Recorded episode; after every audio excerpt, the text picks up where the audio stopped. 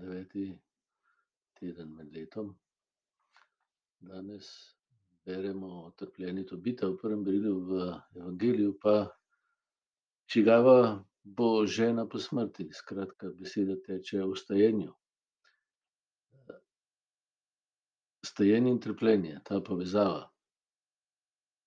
Jezus vstane kako?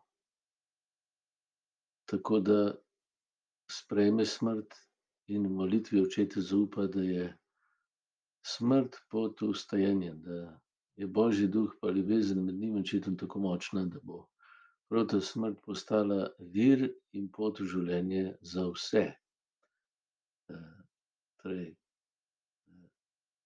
to je temelj tega evangelija. To, do tega seveda ni avtomatično prišlo, ampak je Jezus v srcu molil sredi trpljenja in stiske. Sredi žalosti in tesnobe. Ko je bil žalosten do smrti, jo je preobrazil, to stisko je preobrazil v moč molitve in združenosti z očetom.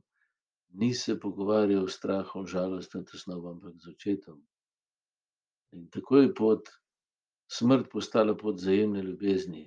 In zaradi tega pot vstajenja, ker odnos med Bogom in Jezusom, se pravi človeštvom in nami, ki smo del njegovega telesa, njegove človeške narave, ni prekinjen.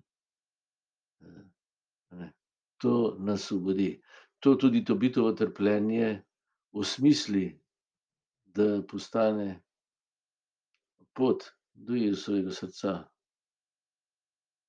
In to srce omogoča novo življenje tudi meni. Da je tudi moje trpljenje in smrt pot v vstajenje.